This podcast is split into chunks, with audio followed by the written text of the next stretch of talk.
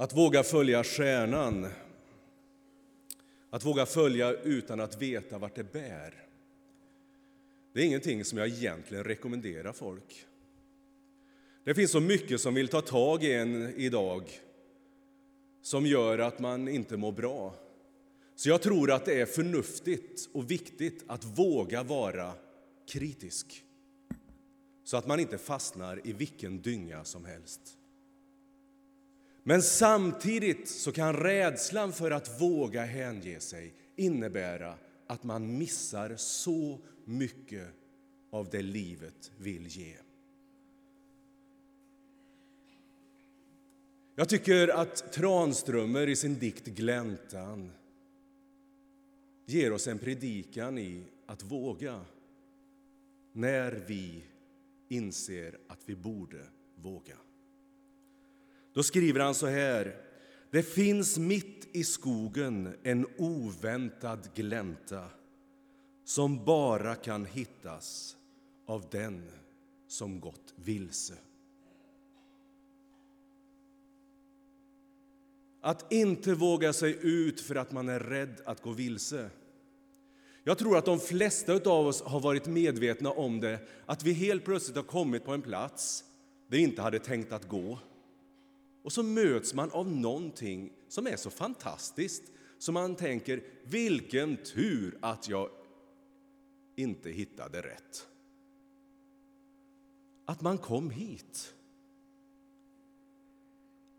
För går man bara dit man vet vad man exakt ska få så blir visserligen livet väldigt förutsägbart och tryggt.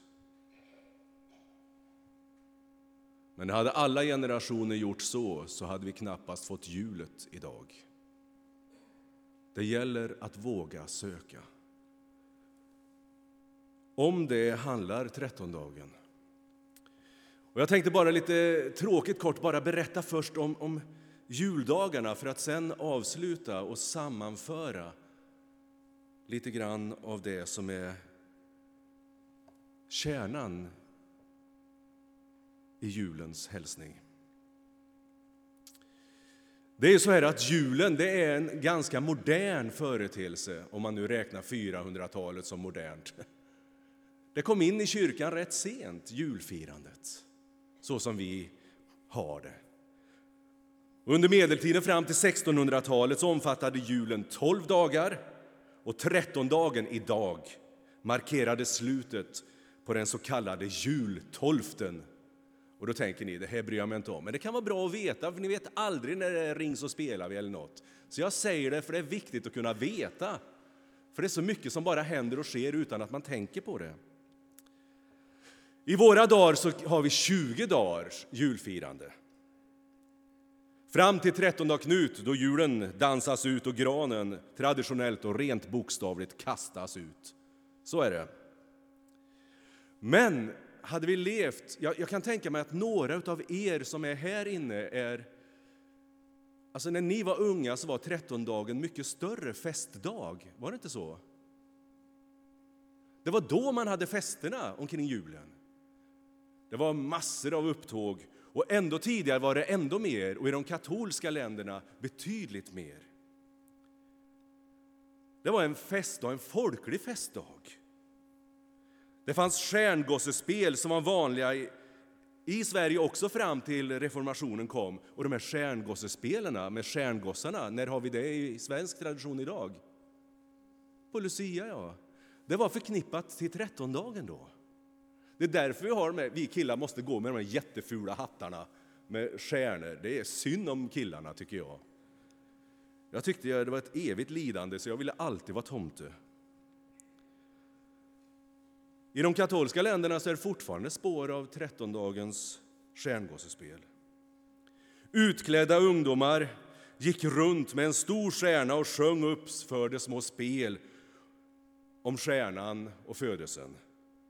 Och även Judas var med i det här spelet där man samlade in pengar och som användes till kvällens lek och stoj och upptåg. Och fram till och med andra världskriget var det i Tyskland självklart att gestalta Judas som den girige juden. Och i det perspektivet, nu blir jag helt plötsligt lite allvarlig. I det perspektivet så kanske vi inte ska bli alltför upprörda när våra traditioner idag blir ifrågasatta. För om en människa upplever sig skymfad av något i vår tradition som bör vi också fundera över. Ska vi fortsätta med traditionen? Eller hur ska vi förklara för den som känner sig skymfad? Förakt är inte rätt bara för att det ingår en tradition. Och jag säger inte att det är så, men det jag säger är att vi ska vara uppmärksamma så att inte vi idag gör samma sak som man gjorde i Tyskland före kriget, som var med och medverkade till det som hände. Det gäller att våga se längre och inte vara hemmablind. Trettondagen har ju sitt namn av att det firas 13 dagar efter jul. Och det är faktiskt vid sidan av påsken en av de äldsta högtiderna i kyrkan. Idag, 13 jul. Det finns eh, belagt att det redan på 200-talet så firar man till födelsen. Det är alltså en äldre högtid än själva julfirandet. Och vi har haft många olika teman och temana har inte i första hand handlat om födelsen utan det har handlat om att Gud uppenbarades i världen. Det är det som är starten. Så i det perspektivet så har Jonas Gardell rätt i sin bok om Jesus. Att när Jesus döptes blev han Guds son. Alltså, så tänkte man i första kyrkan också. Så han har inte tagit det som en eh, puff ur eh, någon tomt, utan det fanns i kyrkotraditionen. Så Jesu dop var det man firade den här dagen. Och ett annat tema var bröllopet i Kana. Vet ni varför man hade bröllopet i Kana? Nu känner jag att nu låter jag som en lärare, men jag tycker det här är så intressant att veta. Jo, därför att bröllopet i Kana utförde Jesus sitt första under. Han visade tecknet, första tecknet på att han var Guds utvalde Messias.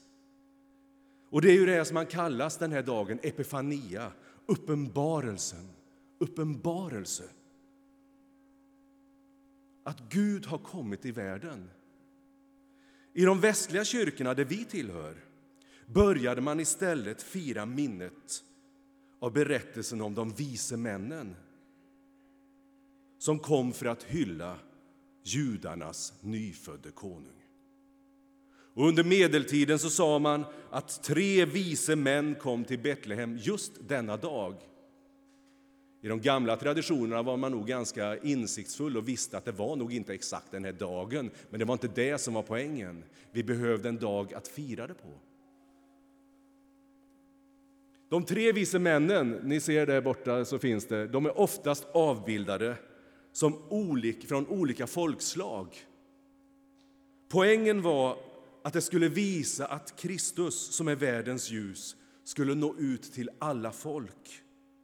Och trettondagen, och vi idag ska också ta upp pengar till missionen, skulle påminna oss om kyrkans missionsuppgift. Alla ska få ta del av julens budskap.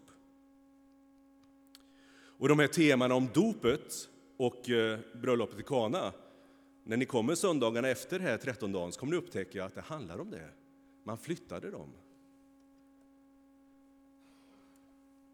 I Bibeln står det inte hur många de vise männen var. Men det etablerade sig tidigt att det var tre vise män. Sannolikt på grund av guld, rökelse och myrra, tre gåvor. De kan ju inte ha mer än en var. Och eh, en kan ju inte ha två gåvor, förstår ni? Så tänkte man.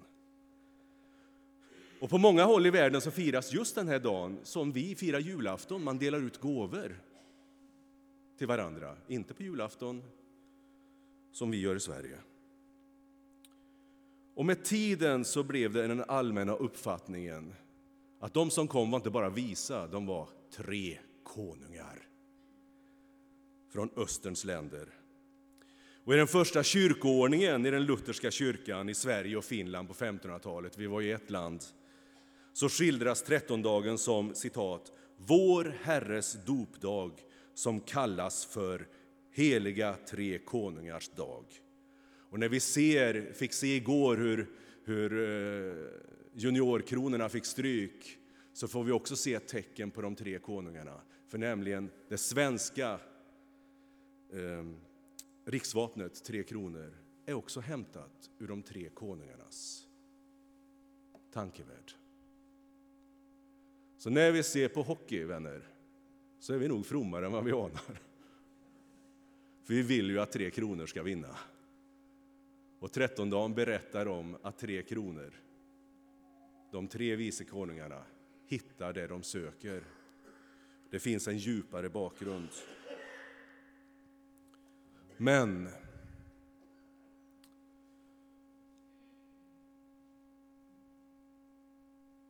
ni som var här på julkonserten, ni vet att jag sa så här då. Idag hade de inte kommit fram. Ni kanske har sett bilden som är på internet och sprids överallt med de tre vise männen som står framför en hög mur. På julkonserten såg ni den också. Och Det sägs att en bild säger mer än tusen ord. Och just i det här fallet stämmer det. Om de tre vise männen från Österns länder idag skulle komma för att lägga ner gåvor inför den nyfödde Messias hade det inte gått. En hög mur står bokstavligen i vägen.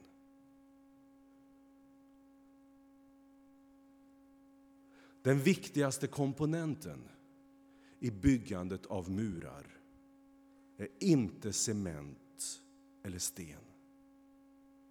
Den viktigaste komponenten är rädsla.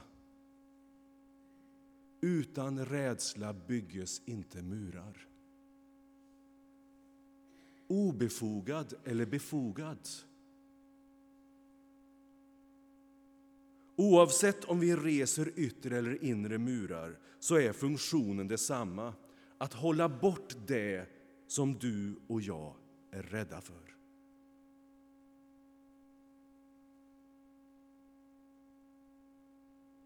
Att bara blunda en liten stund och fundera över var reser jag mina murar?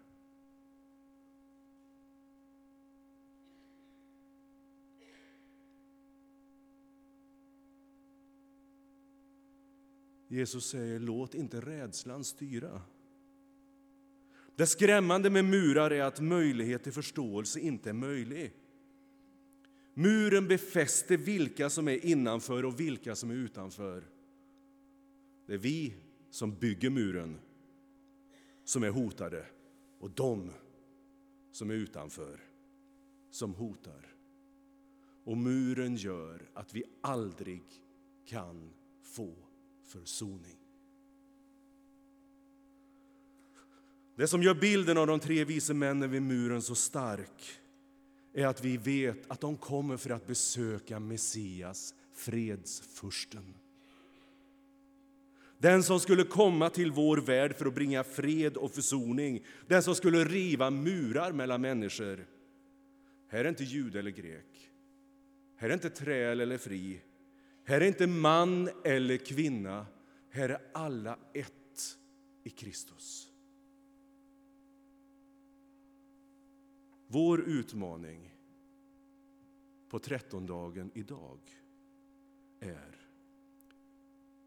om vi vill sälla oss till dem som reser rädslans murar eller om vi vill hålla oss till den som vill trotsa rädslan. Och jag säger inte att det är lätt att trotsa rädslan.